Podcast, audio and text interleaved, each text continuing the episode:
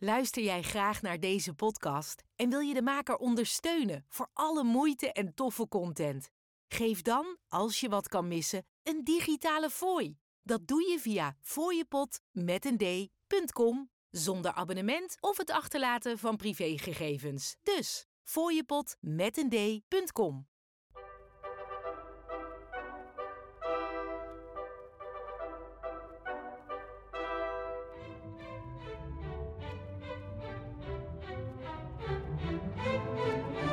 Hallo allemaal. Welkom bij Geschiedenis met Sjaak, de podcast waarin ik, Sjaak, met jou de geschiedenis induik. Rond 1200 voor Christus zouden duizenden Griekse krijgers naar de stad Troje zijn gevaren om die te veroveren, nadat een Trojaanse prins de vrouw van de Griekse koning Menelaos had gekidnapt. Na een strijd van 10 jaar werd de stad uiteindelijk door een list met een houten paard ingenomen. De Trojaanse oorlog spreekt al duizenden jaren tot de verbeelding, mede dankzij twee beroemde boeken, de Ilias en de Odyssee. In deze aflevering zal ik het gaan hebben over de historische achtergronden van de oorlog, de teksten waarop het verhaal gebaseerd is en natuurlijk zal ik proberen de vraag te beantwoorden of de Trojaanse oorlog echt heeft plaatsgevonden of niet. Maar voor we zover zijn, laten we bij het begin beginnen op 13 mei 2004 in Cannes. Op 13 mei 2004 ging tijdens het filmfestival in Cannes de Hollywood blockbuster Troy in première. En daarin wordt het verhaal van de Trojaanse oorlog verteld met uiteraard een flink Hollywood sausje eroverheen. Maar ondanks dat, of misschien wel juist dankzij dat gegeven, werd de film een enorm succes en kwam met stip binnen in de op dat moment top 100 van films die het meeste hebben opgebracht. En los van dat werd het verhaal van de Trojaanse oorlog voor miljoenen mensen zo weer onder de aandacht gebracht.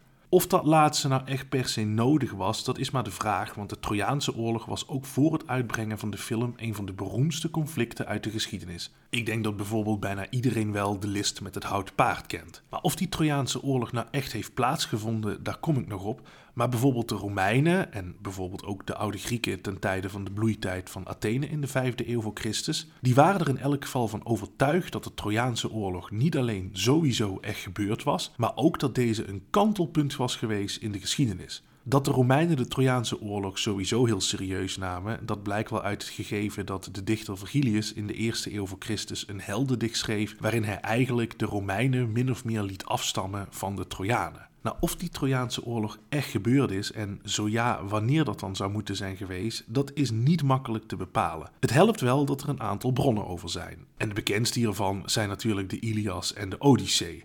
dat zijn bij uitstek de boeken die over de Trojaanse oorlog gaan en ik denk dat de meeste van jullie daar ooit ook wel eens een keer van gehoord zullen hebben. Ik noem het hier trouwens even boeken bij gebrek aan een beter woord, maar het zijn natuurlijk geen boeken, het zijn eigenlijk epische heldengedichten. De schrijver van de Ilias en de Odyssee, dat was Homerus. Al is dat eigenlijk een Latinisatie. De Griekse naam voor hem is eigenlijk Homeros, maar ik hou het voor deze aflevering even gewoon bij Homerus. Over hem straks meer, maar de Ilias en de Odyssee zijn vrijwel compleet bewaard gebleven en daarmee zijn het twee bijna unieke bronnen over de Trojaanse oorlog. Maar tegelijkertijd zijn er ook wel een paar kanttekeningen op zijn plaats. Want punt is ook dat de Ilias en de Odyssee eigenlijk maar heel sumier over de Trojaanse oorlog vertellen. In de Ilias bijvoorbeeld staan vooral de gebeurtenissen uit het laatste oorlogsjaar centraal. En heel specifiek gezien is de periode die aan bod komt in de Ilias eigenlijk maar 56 dagen. De negen jaar daarvoor wordt nauwelijks vermeld en de Ilias eindigt ook helemaal niet met de val van Troje, maar enige tijd daarvoor. Het houten paard, dat komt er bijvoorbeeld helemaal niet in voor. Nou ja, en de Odyssee, die vertelt het verhaal van de Griekse held Odysseus en diens reis naar huis na de Trojaanse oorlog. Er wordt op plekken wel teruggegrepen naar die oorlog, maar in essentie is dat niet waar de Odyssee over gaat. Nou, kortom, om het hele verhaal van Troje te vertellen zijn andere bronnen nodig en gelukkig zijn die er ook. Dat geheel van deze bronnen dat wordt de epische cyclus genoemd en die bestaat uit acht delen. De Odyssee en de Ilias zijn hier een onderdeel van en zijn ook meteen de enige delen die compleet zijn. Van de meeste andere zijn vaak alleen maar wat fragmenten bewaard gebleven of soms zelfs alleen maar een samenvatting van de originele bronnen. Wat wel enorm helpt, is dat er een Romein is geweest genaamd Proclus, die al deze losse delen verzameld heeft en ze bij elkaar heeft gebracht in één boek. Nou, wie hij precies was en waarom hij dit deed, dat is helemaal niet bekend, maar het mogen duidelijk zijn dat we hem wel dankbaar mogen zijn, want anders hadden we het min of meer complete verhaal van de Trojaanse oorlog nooit overgeleverd gehad. Moet hier natuurlijk wel bijgezegd worden dat het onmogelijk is om na te gaan in hoeverre die Proclus bepaalde delen heeft weggelaten of aangepast bij het samenstellen van het verhaal. En het is daarnaast ook goed om te weten dat veel latere Griekse en Romeinse schrijvers het verhaal van de Trojaanse oorlog weer hebben aangepast en daardoor wijkt de versie van het verhaal die wij kennen soms best een beetje af van de oorspronkelijke bronnen zoals we die kennen uit de epische cyclus.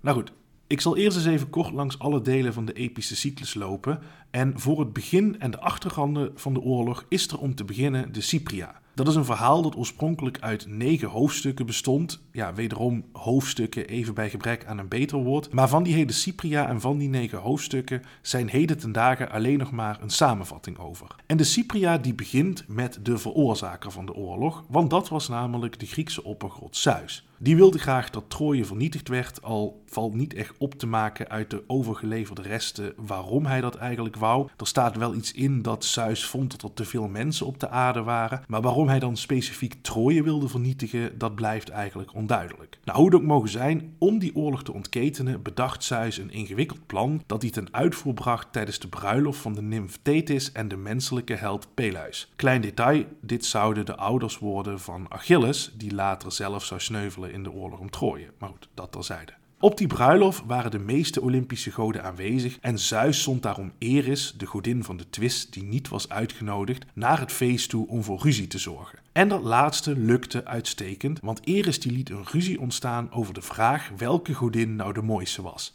Hera, Athena of Afrodite. In een latere versie van het verhaal overigens doet zij dit door een gouden appel te gooien, waar dan op staat voor de mooiste. En in die latere versies is die hele ruzie ook een eenmansactie van Eris en heeft Zeus er niks mee te maken.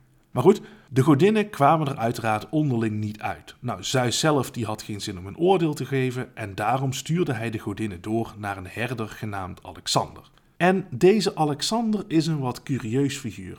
Want tegenwoordig kennen we hem helemaal niet meer als Alexander, maar als Paris. Wat overigens ook wel klopt, want in de epische cyclus wordt hij naast Alexander ook regelmatig Paris genoemd. Die twee namen worden in de hele epische cyclus en bijvoorbeeld ook in de Ilias door elkaar heen gebruikt, terwijl er overduidelijk sprake is van één en dezelfde figuur. Waarom het uiteindelijk definitief Paris is geworden en de naam Alexander een beetje in de vergetelheid is geraakt, dat is eigenlijk onduidelijk. Er is wel gesuggereerd dat dit gedaan is om verwarring te voorkomen met bijvoorbeeld Alexander de Grote, maar goed, dat is natuurlijk wel een beetje vergezocht, aangezien Alexander de Grote honderden jaren na de Trojaanse oorlog leefde. Een andere verklaring zou kunnen liggen in Alexander slash Paris, die ik vanaf nu gewoon Paris ga noemen, zijn eigen achtergrond. Want Paris was niet zomaar een herder, in werkelijkheid was hij de zoon van de Trojaanse koning Priamos. Alleen toen Paris geboren werd, had de koning een droom gehad waarin Paris de ondergang van de stad Troje veroorzaakte. En dus had Priamos hem als baby weggestuurd om gedood te worden. Nou, dat was mislukt en Paris was opgegroeid bij een herder. De theorie in deze is dan dat Paris simpelweg Alexander heette in het eerste deel van zijn leven als herder en later, toen hij terugkeerde naar Troje, de naam Paris terugkreeg. Nou, wat echter het meest logisch lijkt, is dat er sprake is van een soort vermenging van meerdere verhalen, waarbij de namen Paris en Alexander simpelweg elk bij een ander verhaal hoorden. Sowieso is het gebruik van dubbele namen iets wat wel vaker voorkomt in de epische cyclus. Troje zelf bijvoorbeeld wordt in die hele epische cyclus maar één keer Troje genoemd en zes keer Ilion. Dat zijn dus twee namen voor dezelfde stad. De inwoners van die stad die worden dan weer wel consequent Trojanen genoemd. Nou, over het gebruik van de naam Alexander is nog één andere theorie die samenhangt met hetgeen wat ik hiervoor vertelde, maar daar kom ik later nog even op terug. Deze Paris die werd omschreven als de mooiste van alle stervelingen en hij moest dus maar oordelen wie van de godinnen het knapst was. Die drie godinnen wilden natuurlijk alle drie winnen en dus beloofden ze hem elk een beloning. Afrodite die beloofde hem uiteindelijk dat hij met de mooiste vrouw ter wereld zou trouwen, namelijk koningin Helena van Sparta, en daarop koos Paris voor Afrodite. Hera en Athena die waren woest op hem en omdat hij Trojaans was, ook op Troje. Paris keerde uiteindelijk terug naar Troje en daar werd hij weer in genade aangenomen door Priamos en uiteindelijk ging hij naar Sparta. Daar werd hij hartelijk verwelkomd door Menelaos, de Spartaanse koning, maar die moest op een gegeven moment naar Kreta toe. En zo kreeg Paris alle tijd en ruimte om, met hulp van Afrodite, Helena te verleiden. Nadat dat geluk was, voeren ze samen weg uit Sparta, al beweerden de Grieken natuurlijk naderhand dat Helena helemaal niet uit vrije wil was meegegaan. Nou, Helena en Paris gingen overigens niet meteen terug naar Troje, want volgens de Cypria was Hera nog steeds zo boos op Paris dat ze zorgde voor een storm, waardoor hun schip uiteindelijk afdreef naar Sidon. Dat was en is een havenstad in het huidige Libanon. Volgens een andere versie van dit verhaal kwamen de beide geliefden uiteindelijk in Egypte terecht. Nou, Menelaas ondertussen die was natuurlijk woest toen hij ontdekte dat Paris er met Helena vandoor was. Hij zwoer wraak en samen met zijn broer Agamemnon, de koning van Mycene, dat was een koninkrijk op de Peloponnesos, haalde hij talloze Griekse koningen en andere leiders en helden over om een expeditieleger te vormen om de stad Troje in te nemen. In de Ilias is een lijst opgenomen van de deelnemers en bekende namen hierop zijn bijvoorbeeld Achilles, Nestor, Odysseus en Ajax. Na enige tijd voeren de Grieken uit richting Troje. Troje dat lag aan de noordwestkust van wat nu Turkije is. En tegenwoordig ligt die plek enkele kilometers van de zee, maar aangenomen wordt dat de zee in de tijd van de Trojaanse oorlog tot vlak voor de stad kwam. Op Instagram en Facebook vind je een kaartje van dit gebied. Nou, het plan liep helaas voor de Grieken helemaal verkeerd. Want volgens de Cypria kwamen de Grieken niet in Troje terecht, maar bij een stad ten zuiden daarvan, genaamd Teutranië. De Grieken hadden echter helemaal niet door dat ze verkeerd zaten en namen de stad in en staken die in brand. Nou, uiteindelijk ontdekten ze natuurlijk hun fout en toen wilden ze alsnog koers zetten naar Troje, maar op dat moment stak er een storm op waardoor de vloot uiteengeslagen werd. En pas enige tijd later hergroepeerden de Grieken zich. En dat enige tijd later, dat is hier wel een beetje een rekbaar begrip. Want niemand weet eigenlijk over hoe lang we het nou precies hebben. Er zijn bijvoorbeeld historici die gesteld hebben dat dat hergroeperen pas negen jaar later gebeurde. En dat zou dan meteen een goede verklaring zijn voor het gegeven dat die hele Trojaanse oorlog maar liefst tien jaar duurde. En dat er eigenlijk alleen maar over het laatste oorlogjaar geschreven wordt in de Ilias en andere bronnen. Sowieso is het natuurlijk allemaal wel wat ongeloofwaardig dat die Grieken Troje daadwerkelijk tien jaar belegerd zouden hebben. Mocht het inderdaad zo zijn dat dat hergroeperen pas na negen jaar gebeurde overigens, dan is het ook misschien weer wat vergezocht om te spreken over één Trojaanse oorlog. Maar goed, ook hier kom ik later nog even op terug. Nou, hoe het precies allemaal zit, weten we simpelweg niet. In elk geval bereikten de Grieken dit keer wel de juiste stad en ze gingen in de aanval. Nou, die werd afgeslagen en op dat punt eindigde Cypria met een heel beknopte samenvatting van wat er na die eerste aanval gebeurde. In het kort, de Grieken belegerden Troje en plunderden onderwijl alle steden in de buurt. Aan het einde van de Kypria, ik heb tot nu de hele tijd Cypria gezegd, maar ik realiseerde me net dat de uitspraak in het uh, Grieks en in Latijn uh, de C een K wordt. Dus het moet Kypria zijn en niet uh, Cypria. Excuses daarvoor. Maar aan het einde van die Kypria wordt vermeld dat de Griekse aanvoerder Menelaos en de belangrijkste strijder Achilles ruzie kregen over twee tot slaaf gemaakte vrouwen die als oorlogsbuit waren meegenomen. Agamemnon die had namelijk zijn tot slaaf gemaakte terug moeten geven aan haar vader en als compensatie had hij de tot slaafgemaakte van Achilles opgeëist. Achilles was het hier niet mee eens en er ontstond ruzie. Nou, deze specifieke anekdote noem ik omdat het met deze ruzie is dat de Ilias opent, het tweede boek van de epische cyclus. Want Achilles die weigerde namelijk om nog langer mee te vechten zolang Agamemnon niet zijn tot slaafgemaakte had teruggegeven en zijn excuses had aangeboden. In uh, de Kypria wordt overigens vermeld dat die hele ruzie, dat dat allemaal een plan was van Zeus, omdat hij zo de Trojanen wilde helpen. En nou ja, op zichzelf is dat natuurlijk wel weer bijzonder, aangezien in het begin van de Kypria juist gezegd wordt dat Zeus de aanstichter van de hele oorlog was. Maar goed, we zijn dus nu aanbeland bij de Ilias, zoals gezegd het tweede boek van de epische cyclus. En zoals ook al hiervoor gezegd, bestrijkt die hele Ilias in feite maar een heel klein deel van de oorlog. Maar wat wel is, de hoeveelheid informatie die gegeven wordt, die is enorm groot. Het boek, nogmaals bij gebrek aan een beter woord noem ik het even een boek, is enorm gedetailleerd en beslaat ongeveer 24 hoofdstukken, wederom bij gebrek aan een beter woord. Maar sommige van die hoofdstukken dat zijn uitgebreide opsommingen van de aanwezige Griekse troepen. Andere gaan over de manieren waarop de Griekse goden zich op de achtergrond met de strijd bemoeiden. En een groot aantal hoofdstukken gaat over de strijd zelf. Het is zelfs zo dat een derde van het totaal aantal hoofdstukken in feite gaan over de gevechten op één enkele dag. Nou, uit die Ilias komen een aantal van de beroemdste scènes van de Trojaanse oorlog. Een voorbeeld hiervan is het tweegevecht tussen Menelaos en Paris, met als inzet Helena en het beëindigen van de oorlog. Menelaos won en wilde Paris doden, maar die werd op het laatste moment gered door de godin Afrodite. Een ander bekend voorbeeld is het duel tussen Achilles en Hector. Achilles die was zoals gezegd in staking en daarom had zijn vriend Patrocles Achilles wapenuitrusting aangetrokken. In de strijd werd hij daarop gedood door Hector, de sterkste strijder aan de kant van de Trojanen. Hector die dacht een enorme triomf te hebben behaald, maar tot zijn ontzetting bleek hij niet Achilles, maar Patrocles te hebben gedood. Achilles was woest toen hij hoorde wat er gebeurd was en hij ging weer deelnemen aan de strijd. Uiteindelijk doodde hij Hector in een tweegevecht, bond diens lichaam achter zijn strijdwagen en bracht het als trofee naar het Griekse kamp. Uiteindelijk stond hij toe dat het lichaam werd teruggebracht naar Troje. En de Ilias die eindigt met het cremeren van de lichamen van Patrocles en Hector. Nou, zoals al eerder gezegd, de Trojaanse oorlog is aan het einde van de Ilias nog helemaal niet afgelopen. En het volgende boek in de reeks, dat is de Ethiopisch. Dit verhaal bestaat uit vijf hoofdstukken en het is dus eigenlijk maar heel kort. De Ethiopisch is vooral bekend omdat de dood van Achilles erin beschreven staat. Want ook Achilles sneuvelde uiteindelijk in de strijd om Troje en wel door toedoen van Paris, die daarbij hulp kreeg van de god Apollo. Nou, volgens het traditionele verhaal schoot Paris een giftige pijl in de hiel van Achilles. Dat was namelijk de enige plek waar hij geraakt kon worden. Als kind was Achilles namelijk door zijn moeder gedoopt in de rivier de Styx. Dat was de rivier van de onderwereld en daardoor was hij onkwetsbaar geworden. Maar omdat zijn moeder hem tijdens het onderdompelen vasthield aan zijn hiel, was hij op die plek wel nog kwetsbaar. En precies daar schoot Paris zijn pijl.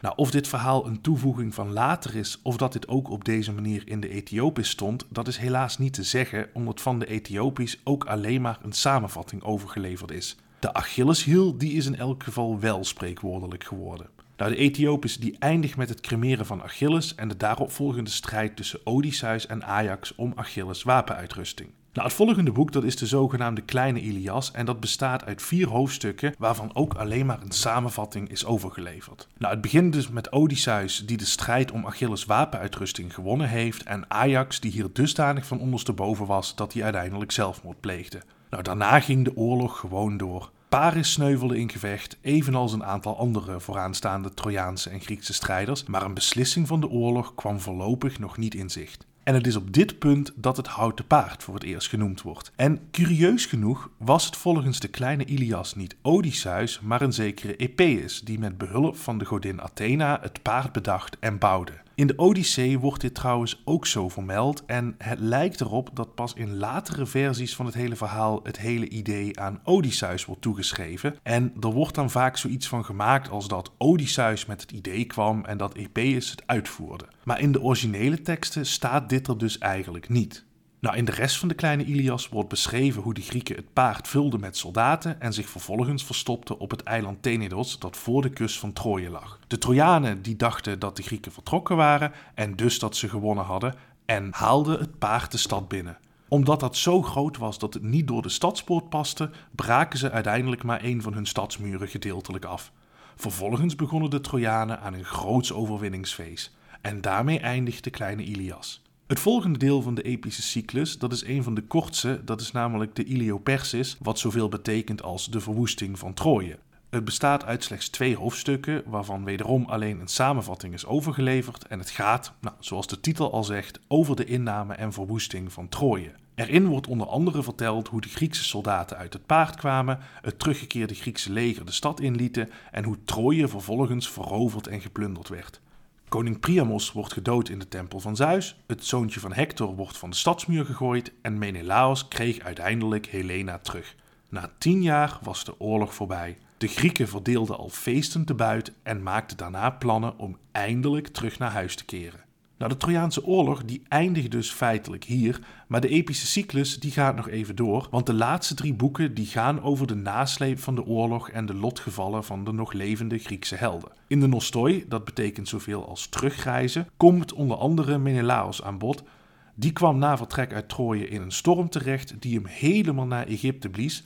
En pas na acht jaar kwam hij uiteindelijk thuis. Al moet gezegd worden, dat getal wordt niet genoemd in de Nostoi, maar dat staat alleen genoemd in de Odyssee. Met Menelaos broer Agamemnon liep het trouwens nog slechter af, want hij werd na thuiskomst vermoord door zijn vrouw en haar minnaar. Aan het einde van de Nostoi zijn alle voorname Grieken ofwel dood ofwel thuis aangekomen, behalve Odysseus. En diens verhaal dat staat zoals bekend centraal in het voorlaatste boek, namelijk de Odyssee. Hoewel die Odyssee dus duidelijk na de Trojaanse oorlog speelt, is het toch ook wel van belang voor de oorlog zelf, want zoals al eerder gezegd, in sommige stukken blikken Odysseus en zijn mannen terug op de strijd. Nou, Odysseus die zal uiteindelijk na tien jaar als laatste terugkeren van de Trojaanse oorlog. En ondanks dat hij op dat moment twintig jaar van huis is geweest, heeft zijn vrouw trouw op hem gewacht. Eind goed, al goed. Behalve dan dat uiteindelijk ook Odysseus gedood zou worden, namelijk door de zoon die hij tijdens zijn reis verwekt had bij de tovenares Kerke. Dat wordt verteld in het laatste boek van de epische cyclus, de Telegonea. De Telegonea is eigenlijk maar heel kort en is eigenlijk meer een soort nawoord van de Odyssee, maar het wordt toch beschouwd als een apart deel van de epische cyclus. Goed, daarmee hebben we het basisverhaal gehad en dat brengt ons bij de historiciteit van de Trojaanse oorlog. Nou, zoals gezegd waren de Grieken en Romeinen er zeker van dat dit alles echt had plaatsgevonden, maar in latere eeuwen is hier onder historici flinke twijfel over ontstaan. En eigenlijk was het zo dat in de 19e eeuw de meeste historici ervan overtuigd waren dat de Ilias, de Odyssee, ja eigenlijk gewoon die hele Trojaanse oorlog, dat dat simpelweg verzinsels waren. Het waren hartstikke mooie en inspirerende verhalen, maar ook niet meer dan dat. Nou, dit alles werd anders toen in 1871 de Duitse archeoloog Heinrich Schliemann de resten van Troje vond. En dat deed hij nabij het huidige Hisarlik in Turkije. Nou, Schliemann was overigens zeker niet de eerste die op het idee kwam dat Troje op die plek gelegen had, maar hij was wel de eerste die er daadwerkelijk ging graven en dus iets vond. In 1873 stuitte Schliemann op een laag van een stad die overduidelijk door brand was aangetast en toen hij in diezelfde laag ook nog een groot aantal kostbaarheden vond, trok hij de conclusie dat hij de schat van Priamos gevonden had en dat dit het Troje moest zijn dat door de Grieken was platgebrand. Een mooi en spectaculair verhaal, wat destijds heel veel stof deed opwaaien. Punt is echter wel dat later onderzoek heeft uitgewezen dat dit niet kon kloppen. Want Schliemanns Troje, dat dateerde uit ongeveer 2500 voor Christus. En dat was eigenlijk veel te ver voor de tijd dat de Trojaanse oorlog zou hebben plaatsgevonden. Nou, nader archeologisch onderzoek heeft uitgewezen dat er niet sprake was van één stad die begraven lag, maar dat er niet minder dan negen steden bovenop elkaar lagen. Het was namelijk zo, Troje is in haar geschiedenis meerdere malen verwoest en vervolgens werd telkens op de puinhopen van de vorige stad weer een nieuwe stad gebouwd. Uiteindelijk bleek dat Troje archeologisch gezien verdeeld kon worden in negen lagen, die elk vaak ook nog eens in meerdere bouwperiodes konden worden verdeeld. Al dit uh, historische onderzoek heeft trouwens ook nog een extra reden blootgelegd waarom de Grieken uit bijvoorbeeld de 5e eeuw voor Christus en later en de Romeinen bijvoorbeeld zeker wisten dat de oorlog had plaatsgevonden. Want in hun tijd was Troje nog gewoon bewoond. Weliswaar was het geen enorm machtscentrum, maar onderzoekers die denken dat de stad behoorlijk welvarend was, zeker in de Romeinse tijd toen allerlei rijke Romeinen regelmatig allerlei giften kwamen doen aan de stad, omdat Troje de stad was waar Aeneas vandaan kwam en dat was natuurlijk het verhaal. Hè? Aeneas was de voorvader van Romulus, die de uiteindelijke stichter van Rome werd. Nou, uiteindelijk is er talloze malen onderzoek gedaan naar Troje en archeologen zijn daarbij uiteindelijk tot de conclusie gekomen dat Troje 7a het Troje van de Trojaanse oorlog zou kunnen zijn geweest. Daar komen ze op omdat deze stad vrijwel zeker door brand verwoest was, wat natuurlijk past bij de verhalen van de epische cyclus. Nou, of die conclusie één op één te trekken is, is natuurlijk lastig te zeggen. Maar Troje 7a lijkt in elk geval ergens tussen 1250 en 1150 verwoest te zijn geworden. En daar komen we bij een volgend probleem, en dat is de datering van de Trojaanse oorlog. Want ook die is bijzonder lastig. Historici uit de oudheid die plaatsen de oorlog ruwweg ergens tussen 1350 en 1100 voor Christus, maar dit soort dateringen die waren meestal gebaseerd op heel vage schattingen. Tegenwoordig wordt meestal de datering van de Griekse geograaf Erastones aangehouden en die beweerde dat de Trojaanse oorlog 407 jaar voor de eerste Olympische Spelen had plaatsgevonden en dat zou dan betekenen dat die in 1184 voor Christus zou hebben plaatsgevonden. Maar ja, punt is natuurlijk, ook dit is uiteindelijk natuurlijk gewoon een gok. Want zoals al gezegd in de aflevering over de Olympische Spelen in het oude Griekenland, is die datering van de eerste Olympische Spelen ook natte vingerwerk. De meeste historici zijn het erover eens dat in elk geval met zekerheid te zeggen is dat als de oorlog heeft plaatsgevonden, dat waarschijnlijk ergens tegen het einde van de bronstijd zou zijn geweest,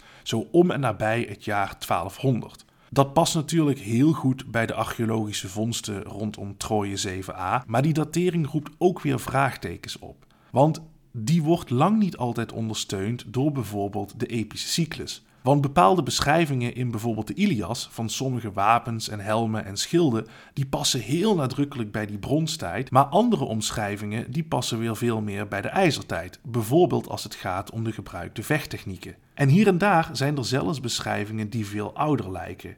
De held Ajax bijvoorbeeld, die draagt in de Ilias een zogenaamd torenschild. Dat was een heel lang en heel zwaar type schild. Maar het ding is, zo'n type schild werd in de 13e eeuw voor Christus al eeuwenlang niet meer gebruikt in gevecht. Een ander voorbeeld, dat is de lijst met Griekse deelnemers aan de strijd die in de Ilias staat. Nou, volgens de meeste onderzoekers is die behoorlijk authentiek, omdat de steden die op de lijst staan over het algemeen in de periode dat de Trojaanse oorlog zich zou afspelen een rol van betekenis speelden. Daarmee bedoel ik, er staan steden op die lijst die in de tijd dat Homerus en latere dichters leefden helemaal niet meer bestonden of bewoond werden. Die kunnen dus alleen maar op die lijst staan als die lijst authentiek was. Maar tegelijkertijd staan er ook een aantal plaatsen op die er historisch gezien helemaal niet op kunnen staan, omdat ze bijvoorbeeld veel later gesticht werden. Dus ja, de conclusie hier is dat waarschijnlijk die hele lijst grotendeels authentiek is, maar dat er wel degelijk ook een aantal aanpassingen zijn gedaan. Nou, die hele vermenging van bronstijd en ijzertijd en de wirwar die daar weer het gevolg van, is in de Ilias dusdanig dat sommige historici eigenlijk van mening zijn dat het een totaal onbruikbare bron is voor historisch onderzoek. Nou, volgens anderen gaat dat ook wel weer wat ver, want er valt natuurlijk wel degelijk heel veel informatie op te halen uit de Ilias, bijvoorbeeld over de leefwijze van de Grieken in deze tijd.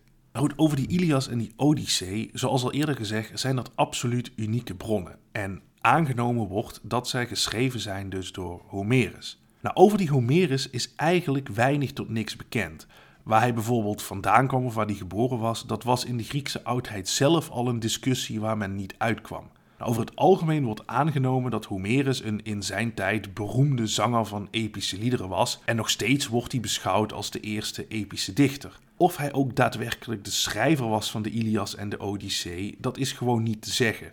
Het kan ook best zijn dat hij de teksten mondeling heeft samengesteld, maar dat alles pas veel later is opgeschreven. En dat roept natuurlijk zelfs de vraag op of Homerus überhaupt ooit bestaan heeft. Er is door historici ook wel eens gesuggereerd dat Homerus niet één schrijver was, maar meerdere. Er zijn in dat kader allerlei stijlanalyses geweest van de Ilias en de Odyssee, maar ook die konden die stelling niet voor de volledige 100% eh, bewijzen. Een andere theorie luidt dat Homerus niet een persoon was, maar een beroep. Als in, iemand die rondtrok en heldendichten voordroeg, dat dat een Homerus was. En de Ilias en de Odyssee die zouden zo dus door talloze beroepszangers zijn overgedragen. Nou, ik ga er van nu even vanuit dat Homerus wel een echt persoon was, maar wanneer hij dan geleefd zou hebben, ook dat is onderwerp van discussie. De Griekse historicus Herodotus dacht dat het ergens rond 850 voor Christus moest zijn, maar historici van nu die neigen eerder naar 750 voor Christus, omdat een van de vermeende leerlingen van Homerus geboren werd in 744 voor Christus. Uiteindelijke punt is ook hier, we weten het niet. Wat wel vaststaat, is dat de verhalen over de Trojaanse oorlog pas vele honderden jaren nadat deze plaats zou hebben gevonden op papier zijn gezet. En daarmee is het dus gewoon lastig na te gaan wat nou klopt en wat niet.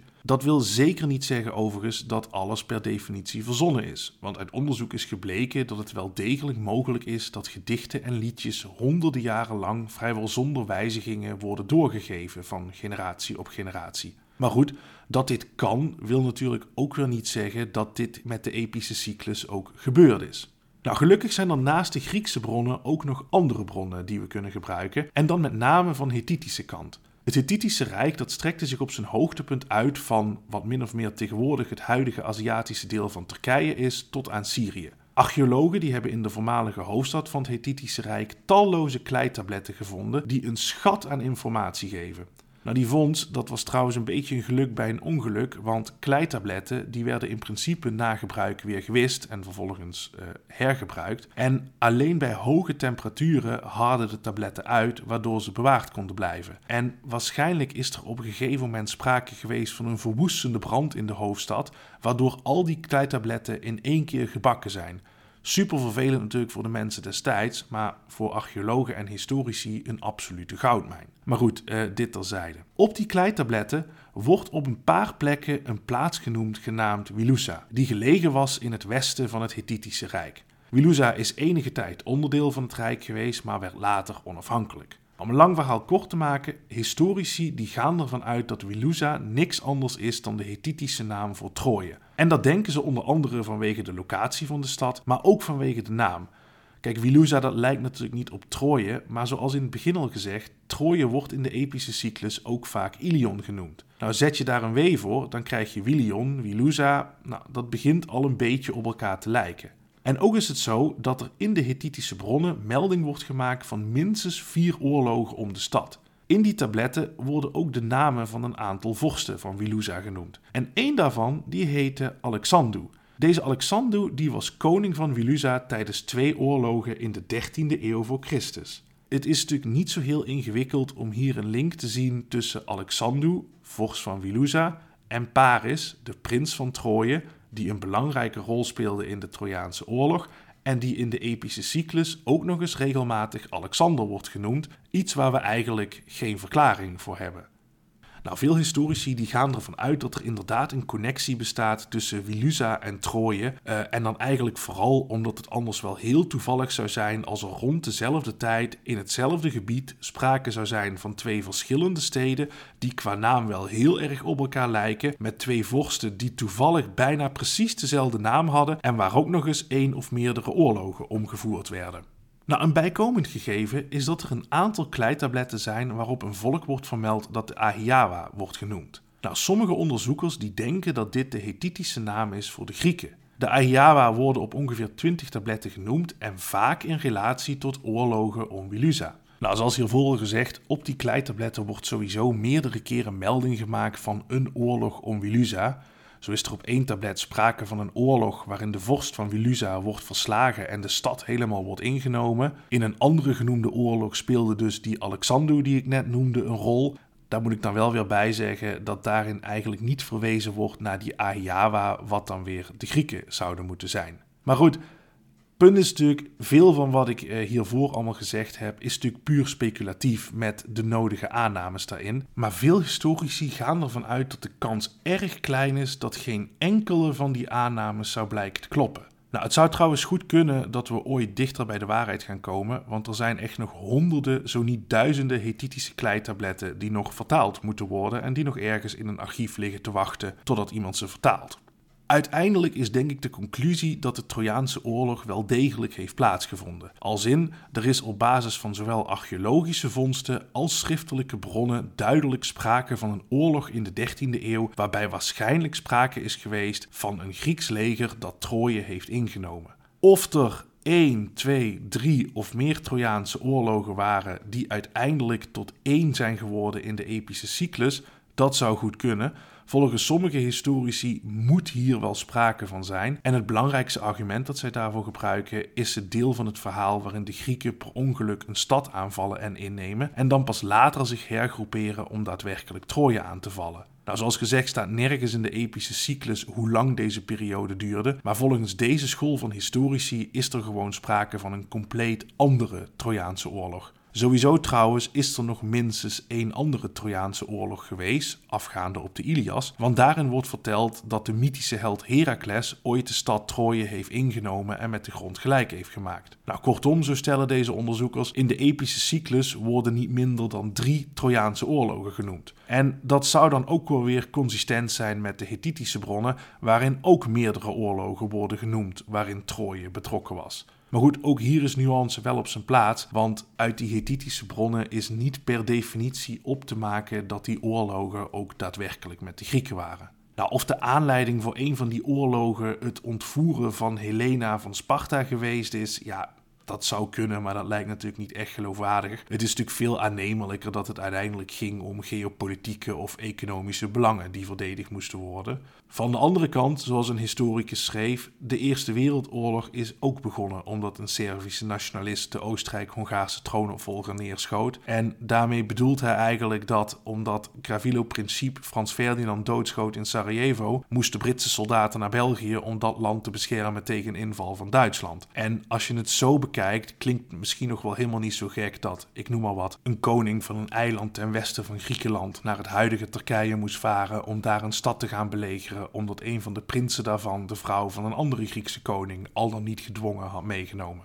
Maar goed, even los van alle invloed die de Griekse goden op de strijd zouden hebben, dat is natuurlijk allemaal verzonnen, is eigenlijk het meest ongeloofwaardige deel van het verhaal eigenlijk het beroemdste gedeelte, namelijk dat hele paard. En dan niet alleen dat de Grieken überhaupt zo'n toch behoorlijk ingewikkelde list zouden bedenken en uitvoeren, maar vooral dat deel dat die Trojanen zo dom zouden zijn om daarin te trappen en dat ze ook nog eens een deel van hun eigen stadsmuur af zouden hebben gebroken om dat paard naar binnen te halen. Goed, ook hier geldt natuurlijk dat het best gebeurd kan zijn. Maar de meeste historici die denken dat dat hele paard niet letterlijk genomen moet worden. Maar dat het logischer zou zijn dat er bijvoorbeeld sprake zou zijn van een groot belegeringswapen dat een bres in de muren had geslagen en dat als bijnaam het paard had. Latere schrijvers die zouden dat dan juist weer letterlijk zijn gaan nemen, waardoor het hele verhaal van dat houten paard en die list uh, is ontstaan. Nou, weer anderen hebben gesuggereerd dat het houten paard eigenlijk slaat op een schip, dat baseren ze onder andere op het gegeven dat in de Odyssee op een gegeven moment schepen zeepaarden worden genoemd. Nou, een laatste, wat vergezochte verklaring, die komt van een Duitse historicus. Die stelt dat het paard van Troje eigenlijk een verwijzing is naar een aardbeving die zo hevig was dat de muren van Troje daarbij ingestort waren. Het paard dat zou dan een verwijzing zijn naar de god Poseidon, want die was naast god van de zee ook verantwoordelijk voor aardbevingen. En het paard was een representatie van de god Poseidon. Vandaar dus het paard van Troje, een aardbeving veroorzaakt door uh, Poseidon.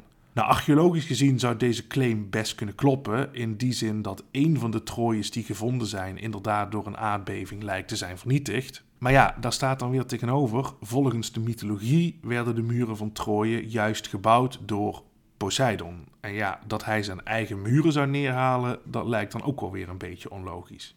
Nou goed, we mogen wel concluderen, denk ik, dat het verhaal van de Trojaanse oorlog nog lang niet klaar is en dat er ongetwijfeld in de toekomst allerlei nieuwe inzichten en nieuwe ideeën zullen ontstaan over de historiciteit van het hele verhaal. Tot die tijd zijn wij in elk geval nu aan het einde gekomen van deze aflevering. Ik hoop dat ik je een wat beter beeld heb kunnen geven van de Trojaanse oorlog en de historiciteit hiervan en hoe moeilijk het is om die te bepalen. Nou, wil je hier zelf onderzoek naar doen? Ga Hethitisch leren en wie weet ontcijfer je ooit wel het ware verhaal. Mocht je in de tussentijd wat meer over dit onderwerp willen lezen, er zijn echt superveel boeken die gaan over de Trojaanse oorlog. Ik heb zelf heel veel gehad aan het boek De Trojaanse oorlog van Eric H. Klein. En daarin staat eigenlijk op heel heldere en compacte wijze een samenvatting van de oorlog en alles wat erover bekend is. Nou, los van dit alles vind je op Facebook en Instagram wat plaatjes ter ondersteuning van hetgeen ik verteld heb. En een link naar beide pagina's vind je in de show notes. En daarnaast vind je Geschiedenis met Sjaak een leuke podcast. Geef me dan vooral een 5 sterren rating. En wil je de show steunen, dan kan dat via fooiepot.com forward slash geschiedenis met Sjaak. Fooiepot met een D.